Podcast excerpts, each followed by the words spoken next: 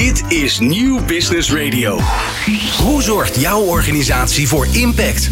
Wat betekenen jullie voor de samenleving? Bedrijven hebben de kracht om maatschappelijke vraagstukken op te lossen. Zo zorgen zij voor winst op alle vlakken. In Impact hoor je leiders en experts over duurzaamheid, MVO, circulaire economie en natuurlijk Impact met Glenn van der Burg. Palmolie en sojabonen zijn om de haverklap in het nieuws. Beelden van platgebrande bossen die blijven op ons netvlies branden. Bossen die plaats moeten maken voor landbouwgronden om onze honger naar olie en proteïne te stillen. Want probeer maar eens een vega-burger of een ander product te komen kopen waar geen soja of palmolie in zit.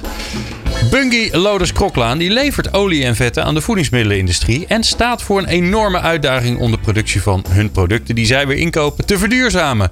Wat is dat vraagstuk precies? Laten we daar de nuances van gaan opzoeken. Wie, wie speelt welke rol in de keten en hoe pak je dit enorme vraagstuk aan? Te gast zijn Ben Vreeburg, Director Sustainability bij Bungie Loders Kroklaan en Niels Wielaert, die hebben we ergens halverwege in de uitzending CEO van Setelligence. Wil je nou het nieuwste afleveringen van Impact via WhatsApp? Sla ons nummer dan op onder je contactpersonen 06 45 66 75 48. Stuur ons een berichtje met je naam en podcast aan.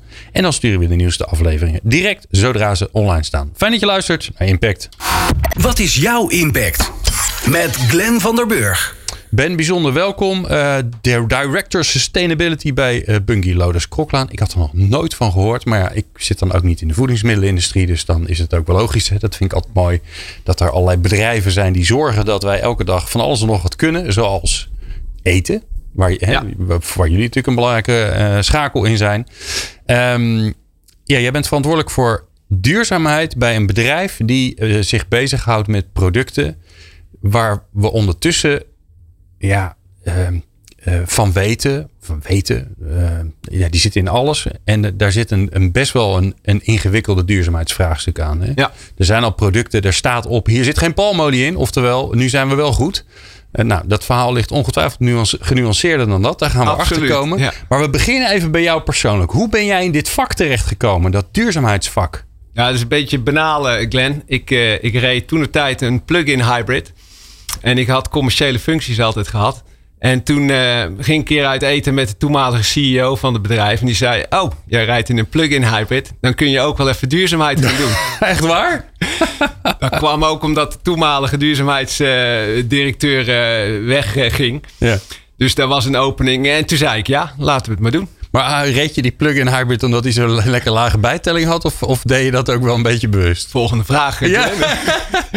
uh, beide natuurlijk, hè, want uh, zo werkt dat ook bij consumenten. Het moet een beetje gestimuleerd worden. En uh, het was inderdaad een hele mooie deal. Dus, ja, het mooie is natuurlijk wel hè, dat, dat als je zeg maar een jaar of tien geleden terugfilmt, dan, dan waren er duurzaamheidsmanagers. Dat waren mensen die, ja, die, die hadden daarvoor gekozen. Die, die wilden de wereld redden. En, en steeds vaker komen we, zeker in de reeks die we nu maken, duurzaamheidsmanagers tegen en zeggen: Ja, weet je, ik kom uit de business of kom uit de communicatie. Hè, die eerst Ja. een ander vak hadden. En die, en die, en die hier ingerold zijn. Ehm, hoe, hoe, kijk jij daarnaar naar persoonlijk? Hè? Waarom is dit nou belangrijk voor jou om te doen? Nou, dit programma gaat over impact. En uh, ik, heb, ik werkte dus al in de palmolie. En ik verkocht ook palmolie aan levensmiddelenfabrikanten. Althans producten waar palmolie in zat. En dan heb je impact. Want het is uh, de grootste plantaardige olie wereldwijd. Het zit bijna overal in. Dus als je wat kan veranderen en wat wil veranderen. Dan zit je daar gewoon erg goed. Ja, want hoeveel van de plantaardige olie is palmolie?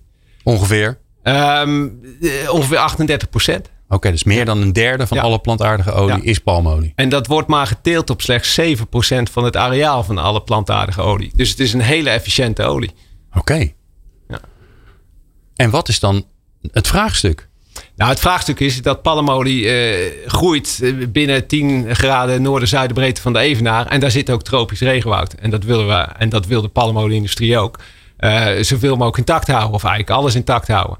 Want we hebben een groot probleem met de ontbossing. Ja. En, en, en daar ligt de uitdaging. Want daar wonen ook mensen. Daar wonen ook boeren. Net zoals in Nederland de boeren zijn die ook graag voedsel produceren. Mensen willen eten. Wereldwijd. 9 miljard mensen, daar gaan we naartoe. Uh, en palmolie is gewoon een hele goede oplossing. Efficiënt. Uh, heeft veel toepassingen. Ja, en, en ja, als, als het makkelijk was, was het al lang gebeurd. Maar dat, dat is de uitdaging. En, Ja. en daar ligt ook de winst.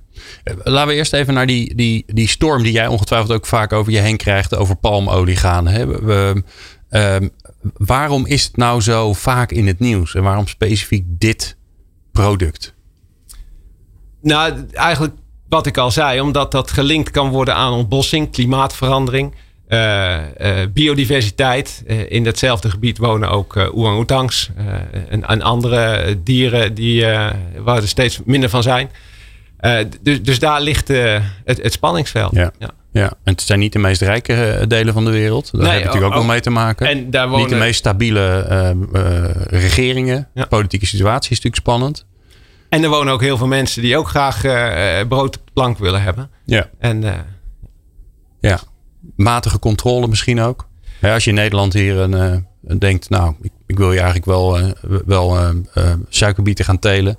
Ik dan, denk dat de dan is er niemand die, die denkt, nou, ik ga eens even een bos aansteken. Dan kan ik er vast wel wat mee. Nee, maar ik denk dat wat makkelijk is om te zeggen dat ligt aan de matige controle. Want ik zie hier ook in Europa dingen waarvan ik zeg, nou, dat hadden we ook wel eens eh, beter eh, kunnen controleren. Wij vergeten nog wel eens dat Europa vroeger één groot bos was. Hè? Eh, Precies, als ik, als ik uit Azië terugkom, toen, toen je nog mocht vliegen naartoe, dan vlieg je terug over Nederland. Dan zie je ook één grote monocultuur van grasland. Ja, En dat heeft ook consequenties. En daar heeft ook ooit bos gestaan. ja. Dus Daar hebben we heel veel schepen en huizen van gebouwd vroeger. precies. Maar dat En, is ondertussen zo lang geleden dat we daar niet meer bij stilstaan natuurlijk. Nee, idee om dat er weer een beetje aan te planten, toch? Dat is mooi. Dan doen wij in Europa ook ons steentje. Nou, eh, heel graag. En dat, eh, dat is ook wat de sector, de palmoliesector ook eh, doet. En dat wat ook een heel hoop eh, bedrijven en organisaties en sectoren aan het doen zijn. Er is veel te doen over eh, regeneratieve agriculture. Dus eh, ja, op een andere manier met je land omgaan. Eh, het aanleggen van eh, wildlife corridors in, eh, op plantages. eh, het vrijmaken van, eh, van, van zones waar je niet mag planten. Voordat je gaat om, eh, een plantage gaat aanleggen, dat je ook assessments doet van kan ik hier wel planten of gaat het ten koste van biodiversiteit of van, eh, van oerbossen? Of eh, ga ik planten op gebied wat van lokale bevolking is en die daar eigenlijk eerste recht hebben? Nou, als dat allemaal het geval is, dan, dan willen wij niet dat daar geplant gaat worden. En dat zijn ook de gesprekken die we hebben met onze leveranciers. Ja, daar gaan we het zo over hebben. Want de uitdaging is natuurlijk hoe, hoe, hoe, gaan, hoe gaan we ervoor zorgen dat, de, dat het product wat jullie uiteindelijk verkopen, doorverkopen. Hè? Want eh, ik denk dat dat wel handig is voor onze luisteraars. Ja. Jullie hebben die plantages niet zelf. Nee, Hè, jullie zijn een tussenhandel. Hoe, hoe, hoe noem je dat? Ja, je zou het tussenhandel kunnen noemen. Wij, eh, wij zijn een wereldwijde speler eh, op plantaardige olie en granen. Dus moet je denken aan soja, tarwe, mais, eh, plantaardige olie als palmolie, sojaolie, zonnebloemolie, raapzaadolie. Ja, we zijn echt een, een wereldwijd een groot bedrijf. 25.000 mensen wereldwijd, eh, eh, locaties, 350 eh poortterminals of plants wereldwijd. Maar wij hebben niet land. Wij kopen van boeren, van meer dan 70.000 boeren wereldwijd. En indirect van veel meer boeren. En wij verkopen aan de levensmiddelensector. Dus aan alle grote brands, de multinationals. En dat, Zoals, wie, wie zijn jullie klanten? van Unilever, Nestlé. Ja, ja, de echte grote, Ja. de, gro- de grote voedingsindustrie. Voedingsindustrie, de retailers, eh, de, de supermarktketens. eh, ja. Ja. dus ook alle, alle zeg maar, huis, huismerken. Het zit overal in, hè? Je ontkomt er niet aan. Nee, nee. Eerst maar eens even de meest logische vraag. Is er een duurzaam alternatief? Dus stel je voor dat we morgen zeggen... Oké, weet je, we gaan, eh, we gaan alle, alle extra olie die we nodig hebben... want we, ja, er komen meer mensen, dus we, we, we Ja. hebben meer eten nodig... en dus ook meer olie en dus ook meer proteïne. Alles wat we, wat we meer nodig hebben... daar gaan we dus niet eh, weer nieuwe palmolievelden voor aanleggen... maar we gaan het ergens anders vandaan halen. Is, bestaat dat überhaupt? Kan dat überhaupt? Ja, ik, ik denk niet, want eh, je, je kan wel met wat je hebt meer produceren door efficiënter te produceren. Je kan ook duurzamer produceren, hè, want het, eh, het alternatief voor palmolie is duurzame palmolie. En daar is ook eh, eh, genoeg om te doen. Eh, onder andere de Ronde Tafel voor Duurzame Palmolie, de RSPO, is in 2004 opgericht. En inmiddels is 20% van de wereldwijde palmolie gecertificeerd volgens de RSPO principles en criteria. Dus, dus er zijn wel alternatieven om het op een duurzame manier te doen. Ja, maar, maar palmolie aan zich, hè, je zei het al Ja. even, hè, 38% is palmolie van alle eh eh oliën, plantaardige oliën, Ja. niet vergeten. Nou, dierlijke olie moeten we al helemaal niet hebben. Want de, de footprint daarvan is alleen nog maar mega veel groter volgens mij.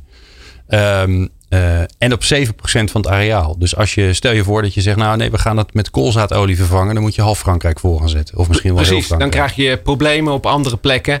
Uh, en, en, we weten allemaal dat we in Europa en zeker in Nederland ook al discussies hebben over uh, boeren en natuur en, en dergelijke. Ja. Dan zou je daar nog meer druk op leggen uh, door nog meer vraag naar landbouwareaal te hebben. Ja. Dus, dat, dat, dus het is te makkelijk. Hè? Nou, ik Precies, zei het al even aan het begin. Hè? Volgens mij is er nu een merk. Ik zou niet eens weten hoe het heet. Omdat er zo niet. groot op staat dat er geen palmolie in zit.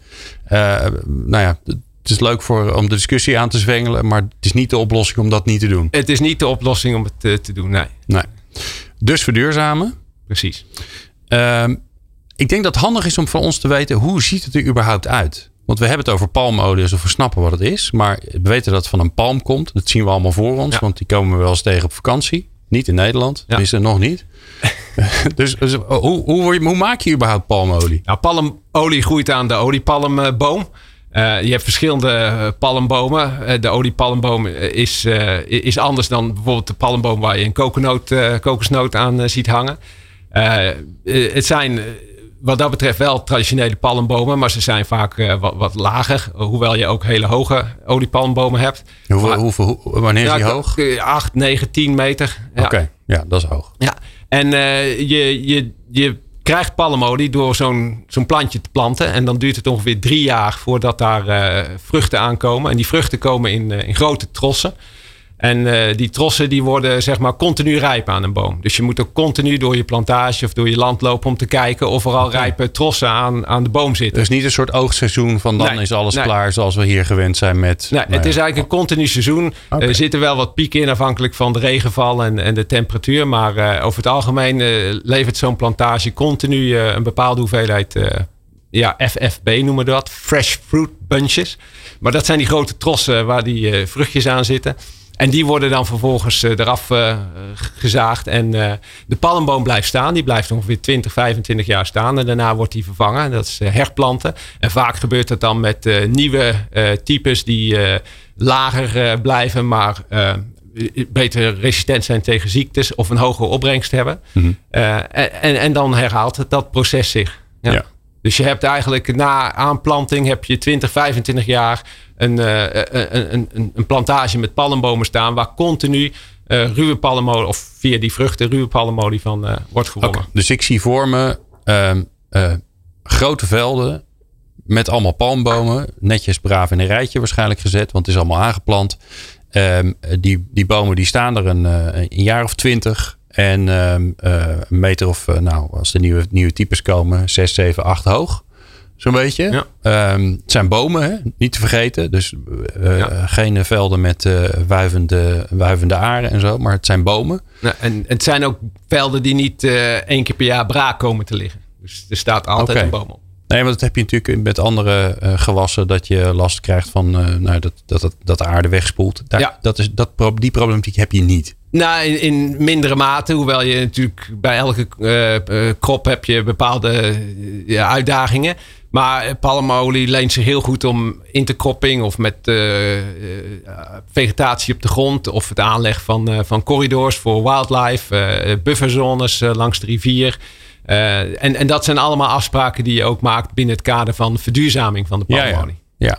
ja. nou laten we daar dan zo even naar gaan kijken. Um, hoe je dan zo'n plantage, hè, los van het feit dat je niet, geen ontbossing wil, daar gaan we het zeker ook nog even over hebben straks uh, uh, met, uh, met nieuws. want die, die helpen jullie daarbij om te zorgen dat die ontbossing er niet is. maar laten we zo eerst eens even kijken hoe je zo'n plantage dan kan verduurzamen. Dat hoor je zo. Gesprekken met impact met Glenn van der Burg. Ben Vreeburg is de gast, uh, Director Sustainability bij uh, Bungie Loders Kroklaan. Uh, ja, we praten over palmolie. Ik, ik, al die andere dingen laten we ook maar een beetje links liggen. Want volgens mij is de problematiek ongeveer hetzelfde, hè Ben?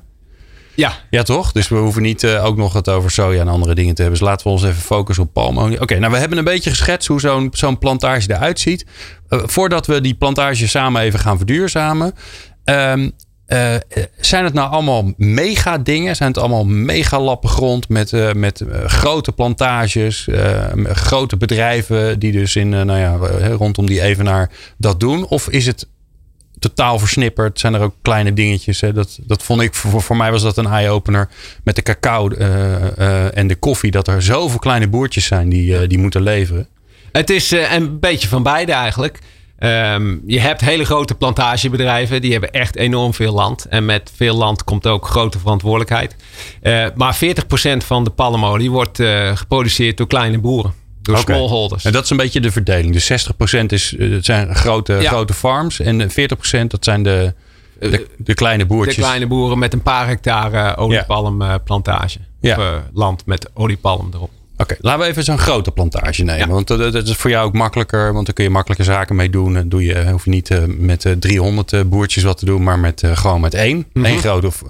Ik zie dat, zie dat voor me. We nemen even het slechtste scenario. Bos is ooit gekapt. Ja, ja. Overal ja. heeft ooit bos gestaan. Bos is ooit gekapt. Er staat nu een plantage. Groeit niks onder. Kale grond. Palmbomen, allemaal prima. Staan er een uh, 20, 25 jaar van die hoge dingen nog. Hoe gaan we dat verduurzamen? Wat moet er gebeuren? Uh, nou, wij, als wij leveranciers uh, aannemen, dan hebben wij een leveranciers, uh, ja, we noemen dat een due diligence proces, een, een selectieproces. Dan, dan hebben we een aantal vragen, een aantal criteria die we gaan onderzoeken of dat klopt, of, of dat ze zich committeren aan bepaalde ja, policies over niet meer ontbossen of ook duurzame management of best management practices op bepaalde type bodem. En, uh, en als dat zo is, doen we zaken met ze. Als dat niet zo is, dan gaan we met ze in gesprek. En is dat een lijstje invullen of is dat uh, Ben stapt in een vliegtuig voor corona, gaat erheen en gaat kijken of nou, het ik heb, zo is? Ik, ik, ik, zit hier, maar het is natuurlijk een heel team. en ik heb ook collega's in Zuidoost-Azië die met de schoenen in de plantages staan. Met ja, die gaan langs. Die gaan langs. die kennen de sector, die hebben hun netwerk. wij werken ook veel met lokale organisaties of zelfs ook met lokale NGO's die uh, vaak wat andere belangen hebben dan uh, palmplantage-eigenaren, maar waar uh, je wel mee kan samenwerken om te zorgen dat je, de, de, zeg maar, dat je alle dingen die, die je niet wil of, of waarvan je weet dat daar gedonder over kan komen, dat je dat goed onderzoekt van tevoren. Ja, oké. Dus, nou, alles alles, alles oké, ja. maar het kan nog beter. Kan altijd beter. En, ja. maar, maar goed, dat, ik heb, toen ik deze job nam, had ik een, een bordje achter me opgehangen. We are on a journey. Dus we zijn op reis en uh, wij proberen dus constant met uh, die leveranciers volgens de nieuwste inzichten te kijken van wat kan er beter, hoe kan het beter en hoe kunnen wij daarin helpen. En want wij verkopen graag aan de levensmiddelensector, maar wij, wij zien onze leveranciers ook in die zin als, als klanten en als partners. Ja. En we willen ze ook graag helpen om dat beter te doen. En, dus dus we, we ondersteunen ze met projecten. Uh, Oké, dus het is niet gewoon, joh, dit is ons lijstje van eisen. Elk jaar schroeven we die op. Veel succes, zoek nee, het maar uit. Nee, het is een constant proces met workshops, met externe experts. Over uh, hoe je iets beter kan doen, iets duurzamer kan doen. En dat, dat is heel breed. Dat gaat van uh, het, echte, het, de, de, praktijk van planten en, en oogsten. Maar ook over arbeidsomstandigheden van de werknemers op die plantages. Want daar werken een hele hoop mensen, want het is vaak handenarbeid. Mm -hmm. Uh, tot uh, ja, hoe ze gehuisvest zijn, tot de salarissen die betaald worden. Dus duurzaamheid is, is meer dan alleen de ontbossing. Ja. En, en ja, dat is een, dat is een proces. Dat is, en dat doen wij niet alleen, dat doen we ook met conculega's. Uh, duurzaamheid bevindt zich ook grotendeels in een soort van. Uh, want want zo'n grote farm levert niet alleen maar aan jullie, die levert nee, ook aan. Die levert ook aan anderen. Cargill, ik weet niet of dat een, een, een concurrent is. Ja, ja, de, ja. De, Cargill is een concurrent, kan een klant zijn zelfs. Maar we, we trekken ook met ze op in het veld om bepaalde onderwerpen aan te dragen. Want we kopen al, we vissen allemaal in dezelfde vijver. Ja. Dus dan is het ook handig als we ook dezelfde soort eisen hebben met betrekking tot duurzaamheid. Want voor een boer, of het een boer nou in Nederland is of in Zuidoost-Azië, uh, die wordt gek als die continu nieuwe eisen krijgt. Dus we Van proberen dat partijen. ook een beetje ja. als sector uh, te doen. Zodat ze weten waar ze aan toe zijn. En dat, niet, uh, ah, dat wij niet tegen elkaar uitgespeeld worden. Maar voornamelijk ook dat boeren niet gek worden. Want als, als die al drie keer bezoek hebben gehad en dan komen wij eens, dan ja, nou, nou heeft, er, heeft het feit dat daar ooit bos stond er natuurlijk voor gezorgd dat de biodiversiteit geschaad is, ooit. En dat, ooit, eh, dat kan uh, niet heel lang geleden zijn, maar het kan ook wel heel lang geleden zijn. Ja, net als in Nederland, zeg maar. Ja, ja. En, en wat, wat kun je er nou aan doen om dat weer terug te brengen. Hè? Want ook die discussie is natuurlijk in Nederland gaande bij de boeren. Hè? Hoe zorgen we ervoor dat, uh, dat insecten en de vogels weer ruimte krijgen om, om weer te herstellen? Dus wat, wat kunnen jullie daaraan doen? Nou, dat is bijvoorbeeld met uh, plantage-eigenaren praten. Als we weten dat er bijvoorbeeld een uh, grote groep olifanten zit. Van, en die, die willen nog wel eens van A naar B. En ook door plantages gaan. Hoe kun je dat nou het beste doen? Uh, heeft het zin om daar uh, hekken omheen te zetten? Of kun je beter een soort van corridor uh, in stand laten op, op de plek waar die olifanten altijd lopen, omdat die vaak toch dezelfde routes hebben? daarmee vertrappen ze de plantage niet. daarmee heeft die plantage ook gelijk een positiever imago, want ze helpen wildlife in stand te houden. En heeft ook een voorbeeldfunctie naar andere plantagehouders om te laten zien van het kan ook anders.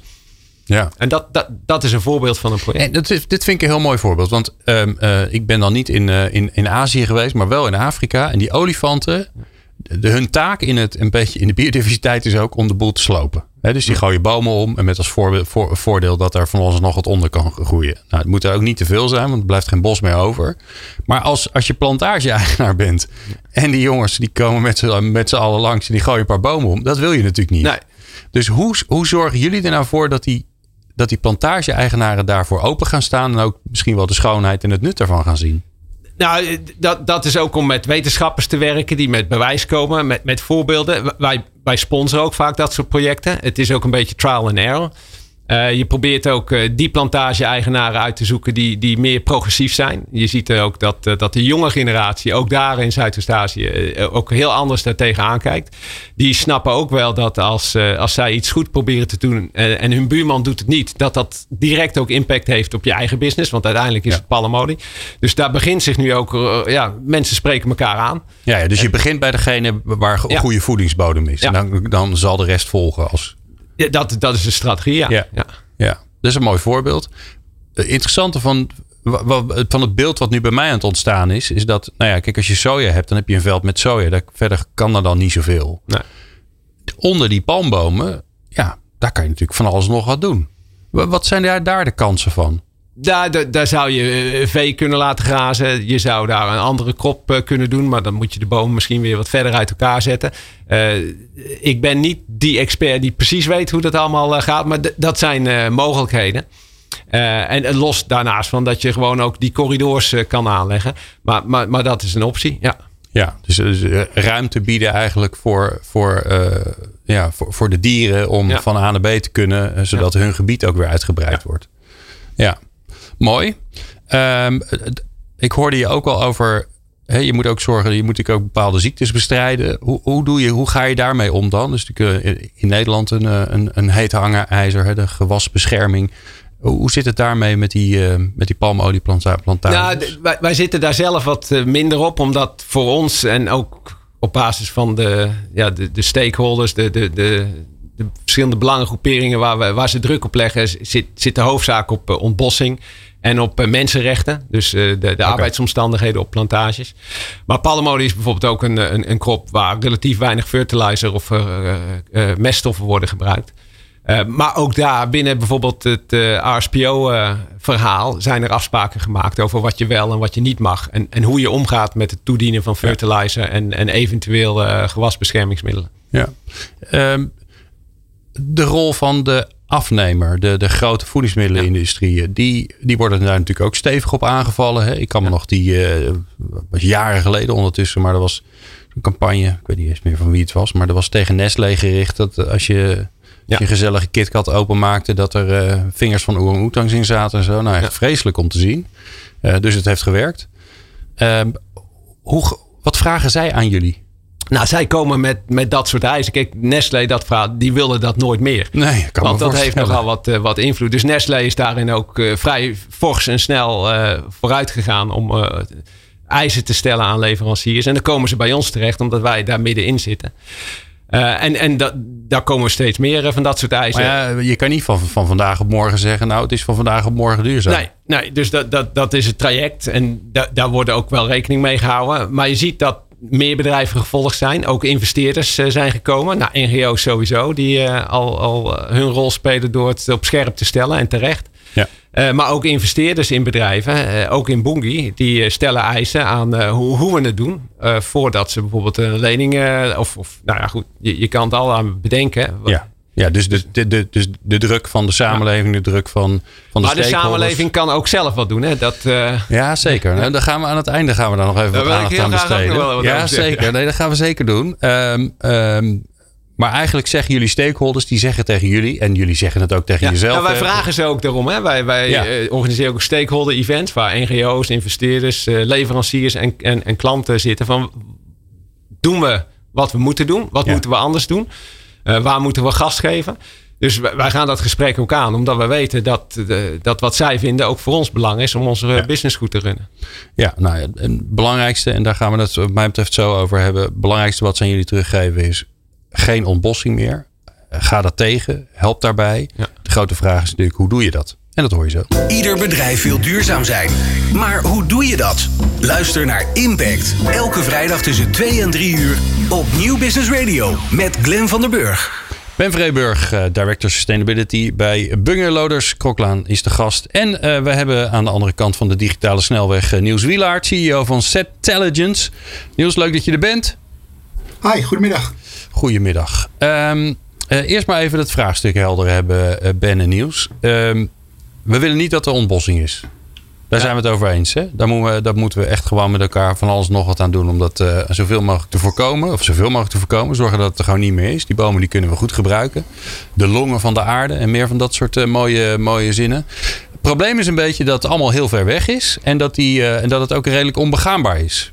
En het andere probleem is dat op het moment dat, kan ik me voorstellen Ben, maar ik vul het even voor ja, je in. Ja. Dat op het moment dat jij ehm, uh, zaken gaat doen met een leverancier en um, met een farm. En, um, uh, en die, die hebben net uitgebreid. En die verkoolde boomstronkjes staan er. Of die afgeza afgezaagde boomstronkjes staan er. Dan ben je te laat.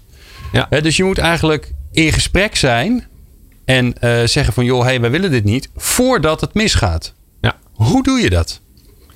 Nou ja, goed. En daar komt Niels uh, met zijn club uh, binnen. Dat is een van de dingen om, om te doen. Is dat vanuit de lucht, vanuit de satellieten, kijken van uh, waar zit dat bedrijf en wat, wat hebben ze aan land en, en wat doen ze daar en wat hebben ze daar ook gedaan. Want dat kunnen we terugzien, toch Niels? Ja, correct. Ja, jij bent de oplossing, Niels. Dus vertel maar, hoe, hoe, hoe, hoe doe je dat dan? Ja, nou, wat wij doen uh, feitelijk uh, bieden wij een soort buienradar in Google Earth voor milieuproblemen als ontbossing en branden. Maar dan met plantages en landbouwvelden in plaats van steden en dorpen. En daarmee kunnen we dan via de satelliet onafhankelijk laten zien waar je met een gerust hart palmolie of cacao vlees uh, vandaan kan halen. en waar niet. Waardoor Ben en zijn team dan weer met de eigenaren kunnen praten. Dus feitelijk maken we, om in het thema van je programma te blijven, de, impact concreet meetbaar. Ja. En dan kan ik me voorstellen dat als jullie daar hele grote rook, rookwolken op zien, dan zijn we te laat. Hè? Dan hebben we, hebben het eigenlijk niet goed gedaan. Dus hoe, hoe voorkom je nou dat je. Hè, dus welke aanwijzingen heb je dat je denkt van ja. oeh, daar moeten we gaan opletten? Ja, ik, ik denk dat de truc is dat je um, sowieso weet. Uh, ben had het al over 70.000 uh, boeren. Uh, en er, er, zijn ook veel, veel concessiebedrijven. meer dan 1600 fabrieken die van allerlei plantages sourcen. Um, en dat, dat, we, dat Bungie dat in beeld heeft. En daarbovenop, er zijn honderden satellieten die rond de aarde cirkelen. En wij hebben een systeem gebouwd, wat ik net zei, waarmee wij het signaal van al die satellieten uh, kunnen interpreteren. En dus ook kunnen zeggen van in welke gebieden is heel veel activiteit. Nou, dat, uh, dan is dat een gebied waar je eigenlijk uh, moet gaan inzoomen en kijken met de eigenaar gaan praten van hé hey jongens, wij zien dat hier iets aan de hand is. dat kan zeg maar bij de buren zijn. om ja. daar meer grip op te krijgen. Maar ook iets wat we eigenlijk uh, ik vond het wel mooi. Ben zei van ja, we zijn op reis. Ja, wij, wij zijn samen ook op reis. Het begon met kijken van hé, hey, waar zijn de bomen weg? En dat werd eigenlijk steeds breder. En nu is het ook uh, wat je net zegt van ja, kunnen we ook voorspellen uh, waar er bomen zullen, zullen kunnen verdwijnen voor, voor palmolie of, of andere gewassen, om dat, dat verder voor te zijn. Oké, okay, maar er en, zitten dus niet allerlei mensen bij jullie naar die satellietbeeld staren. Er zit een soort algoritme, slimme computergedoe. Die kijkt daarnaar en die, en die interpreteert dat. Zeg ik dat ja, dat, dat, Dat, dat zeg je goed. Ja, het is uh, dus een, een systeem wat uh, online draait. Dus wat, wat de, de grote hoeveelheden beelden. Want anders kan je niet zo'n enorm uh, gebied. met Bunge samen doen we 30 miljoen hectare la, qua landschap. En, um, Hoe groot ja, is 30 miljoen hectare? Welk land heeft er überhaupt 30 nou, miljoen hectare? Dat is, dat is bijna heel Maleisië zo'n beetje als je het... Zo. Ja, ja. Dus ja, dan gaat het dus niet alleen om de pal, maar ook om wat gebeurt er omheen. Uh, als je iets wil voor zijn, dan moet je eigenlijk in het landschap weten wat er gebeurt. En Ben en zijn team waren daar eigenlijk al uh, vrij snel mee uh, om zo te gaan kijken. Maar in het landschap gebeurt, kijk je dan naar, ja, waar kijk je dan naar? Waar, waar let je dan op? Wat zijn dan de aanwijzingen dat je denkt, oeh, ik kan me voorstellen dat als je een hoop bulldozers ziet rijden, maar ook dan ben je volgens mij te laat, toch? Nou, ja. Ja, je, bijvoorbeeld uh, aanleg van wegen. Of uh, verhoogde activiteit van, van, van, mensen in een gebied. maar, maar, zeker ook een weg. Oké, dus wegen, huisjes, als je dat ziet ontstaan. Nou, dat, dat zijn een van de indicatoren. Ja, ja. En, en sowieso weten waar al het waardevolle bos is, waar je zeker wil ingrijpen. Er zijn ook veel gedegradeerde gebieden en ja, je moet keuzes maken. dat, dat vind ik ook wel mooi uh, van het samen optrekken, wat, wat Ben ook zei, met, met andere bedrijven. Uh, dat je dus uh, andere bedrijven ook mobiliseert die in diezelfde landschappen ook plantages hebben. Dus samen met de buren ook gaat kijken van nou, we hebben hier alerts. dit zit meer in jullie gebied. wat voor actie kunnen jullie ondernemen om, om dat te stoppen? Oké, dus is, is, jullie houden dat gebied in de gaten. Jullie systemen gaan af. Hoe, alarmbellen. Hier is veel activiteit. Uh, gaat een prachtige uh, alert rapportage gaat er naar Ben. Wat ga je dan doen, Ben? Nou, wij, wij kijken dus waar is dat? hebben wij contacten met die eigenaar? dan gaan onze mensen erheen of die gaan daarmee praten. Uh, zit dat in de buurt van mensen die we kennen, dan attenderen wij ze erop en zeggen we: hey, het is niet bij jou, maar het is in jouw buurt en jij kan daar mogelijk van kopen. Pas je op, wat is er aan de hand? Geef ons eh, feedback. Wij werken met een netwerk van NGO's, lokale NGO's. Eh, soms is die ontbossing die we detecteren helemaal niet gelinkt aan palm, maar het is nog steeds ontbossing. Dus uh, delen we die alert, zodat de NGO's daar wat mee kunnen doen. Wij hebben ook afspraken met bijvoorbeeld uh, de Ministry of Forestry in, in Sabah in Maleisië. Dat als wij dingen zien in hun, in hun gebied, dat we dat ook delen. Uh, want uiteindelijk weten we natuurlijk wel waar het bos nu staat. En, en dat moet je beschermen. Dus dat, dat, dit kun je monitoren. Maar je kan ook daar proactief mee aan de gang gaan. Door, door overheden te ondersteunen. in, in hun efforts om, om ontbossing tegen te gaan. Ja, Niels, waarom, waarom is er niet een soort wereldwijde organisatie die dit gewoon in de gaten houdt? Want dit is natuurlijk super als, hè, als dit er is en het werkt. Dan uh, is het een no-brainer om te zeggen: uh, we gaan er met z'n allen voor zorgen dat het uh, dat niet gebeurt. Het is natuurlijk fantastisch dat, dat, dat Bungie het doet. dat jullie je ermee bezighouden. Het is ook mooi dat jullie die NGO's opzoeken. Vooral blijven doen. Maar, maar ja, nou, klinkt alsof het wat handiger kan. Uh, nou, nee, dat denk ik niet. Ik denk dat ik, ik zie eigenlijk die wereldwijde organisatie wel ontstaan. En uh, als je kijkt naar het, het wereldwijde klimaat- en biodiversiteitsprobleem, er is niet een handjevol bedrijven dat dat in, in zijn eentje kan oplossen. Dat, je moet samen optrekken. dat betekent dus ook dat je ook, ook de, de, de, concurrenten, collega's van, van Bungie ook samen laat werken. Uh, en, en samen met ons, maar ook andere partijen die monitoren. De World Resource Institute bijvoorbeeld in Amerika. Uh, die dit soort informatie ook samen met ons ontsluit. dus het is eigenlijk, wat ik zie, is, is een samenwerking die steeds groter wordt. En, en ik denk dat dat ook de oplossing is. Ja. dus hoe meer stakeholders dit doen, hoe meer stakeholders hun vinger opsteken en zeggen: hé, hey, er gebeurt iets bij jou in de buurt. Hoe groter de kans is dat, dat het niet meer gebeurt. Ja, ik vond het wel grappig dat je net ook die uh, Nestlé-campagne uh, noemde.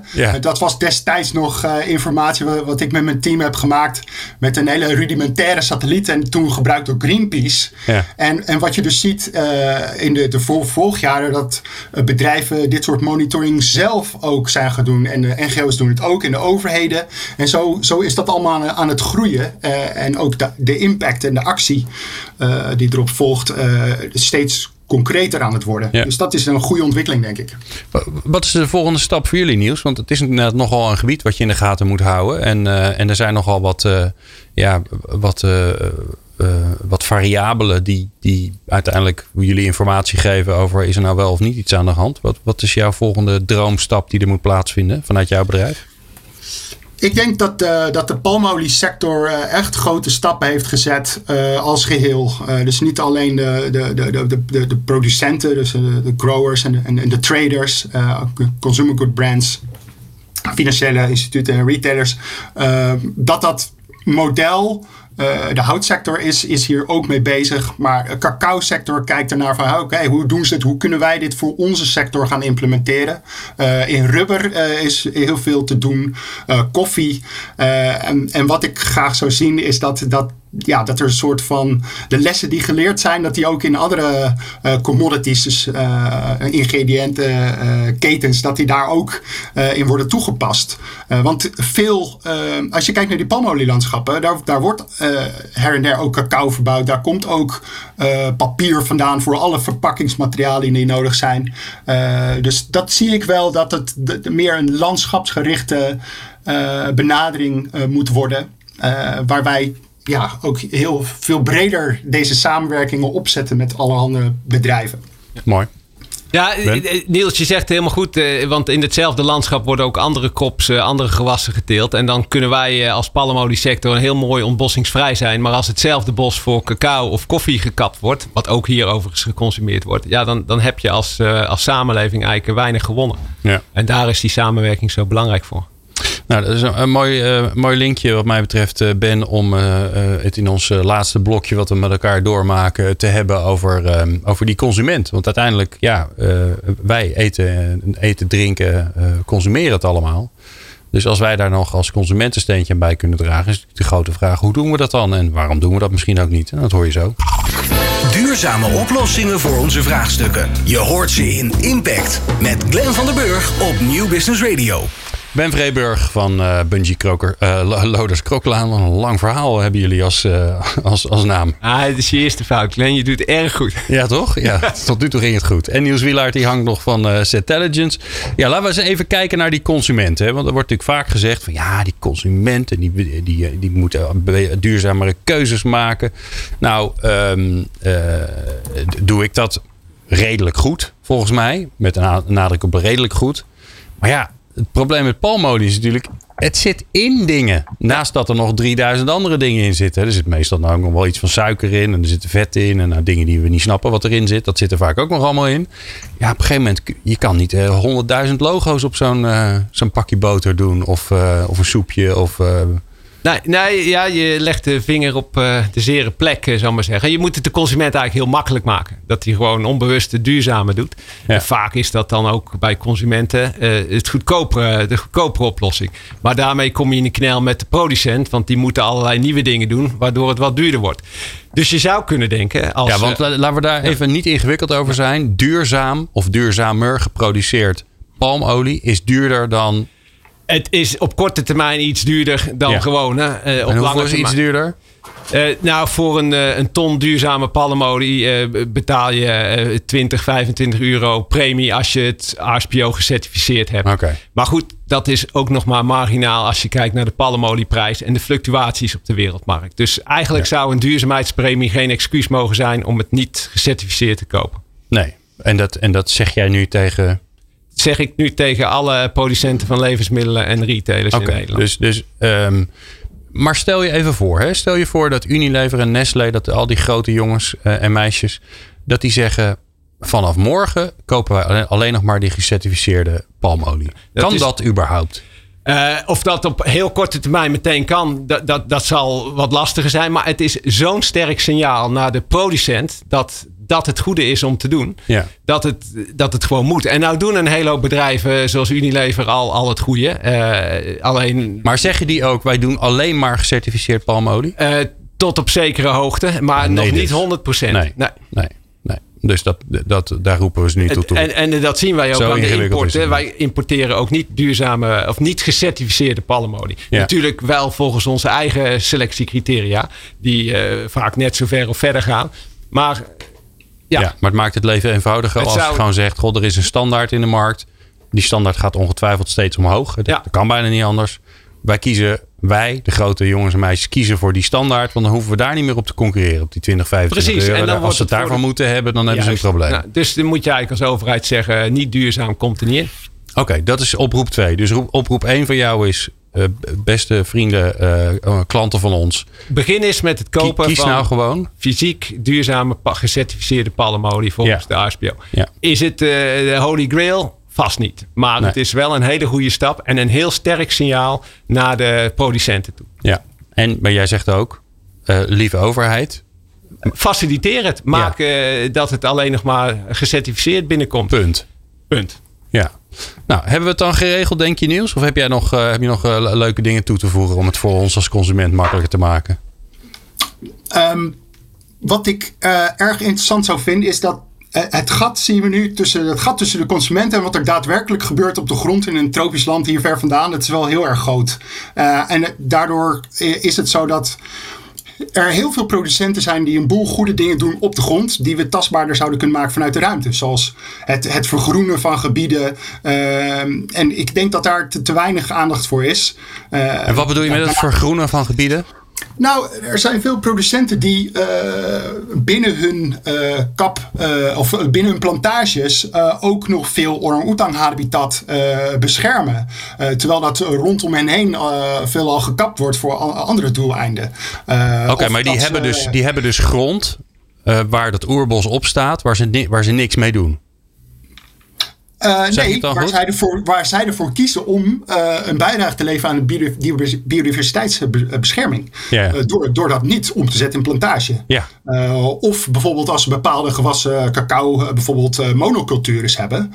Ja, het is, het is voor de biodiversiteit het is veel beter als je daar een, een, een agroforest, zoals ze dat noemen, met, met ja, natuurlijke boomsoorten plant. Nou, de- voortgang daarvan, dus de, de, de impact daarvan, die kunnen we vanuit de ruimte ook eh, aantonen. En, Ja. en ik denk dat het interessant is voor eh, consumenten om ook eh, dat soort verhalen ja, wat, wat meer, meer te kunnen zien. In plaats Maar- van dat het allemaal ja, alleen maar over misstanden gaat. Maar ik zie hele mooie filmpjes voor me, die jullie dan mooi kunnen maken. Dus gelijk weer een leuk businessmodel voor je. Waarbij je inderdaad over de loop van, nou, dat zal wel een paar jaren zijn, maar dat je, dat je het inderdaad ziet vergroenen. Hè? Ik moet denken aan die, die bioscoopreclame. Ik was laatst weer in de bioscoop, mocht weer.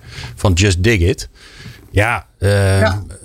De, de oplossing is ook nou weer niet zo heel ingewikkeld. Hè? Eh, plantjes planten en eh, een beetje liefde geven in het begin. Zorgen dat die biodiversiteit weer herstelt. En dan neemt de natuur het weer over.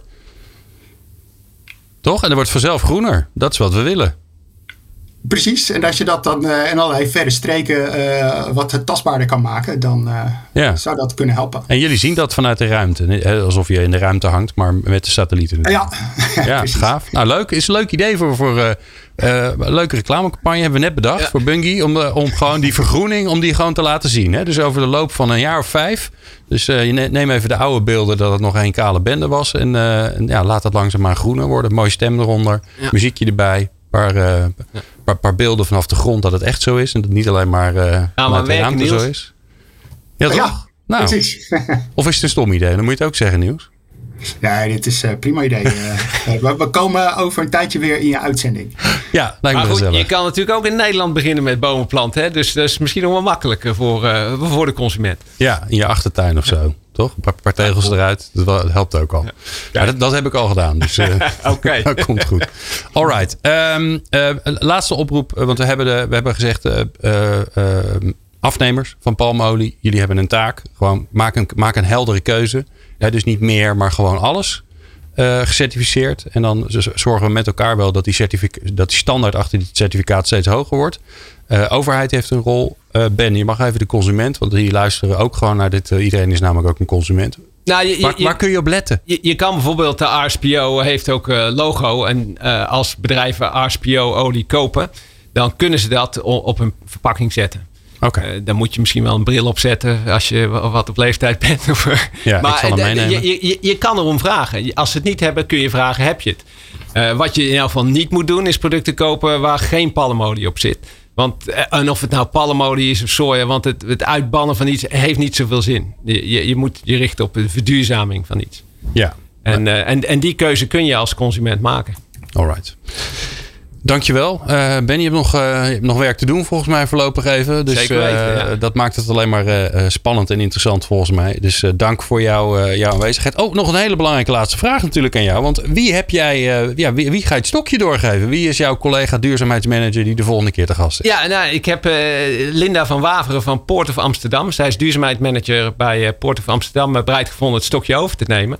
En ik denk dat het een hele leuke gast is. De Port of Amsterdam heeft direct impact op de bedrijven die zich daar vestigen. Ze hebben spelregels over duurzaamheid. En ze spelen een grote rol in de, de energietransitie en de circulaire economie. Dus ik denk dat dat een hele leuke uitzending gaat worden. Ja, en ze hebben heel stoer gezegd: geen kolen meer bij ons. Kijk. Toch?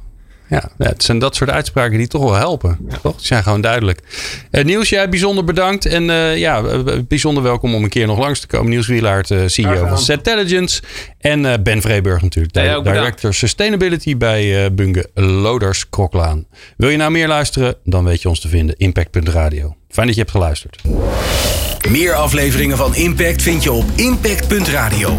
Of via podcastkanalen als Spotify, Duke of Apple Podcast.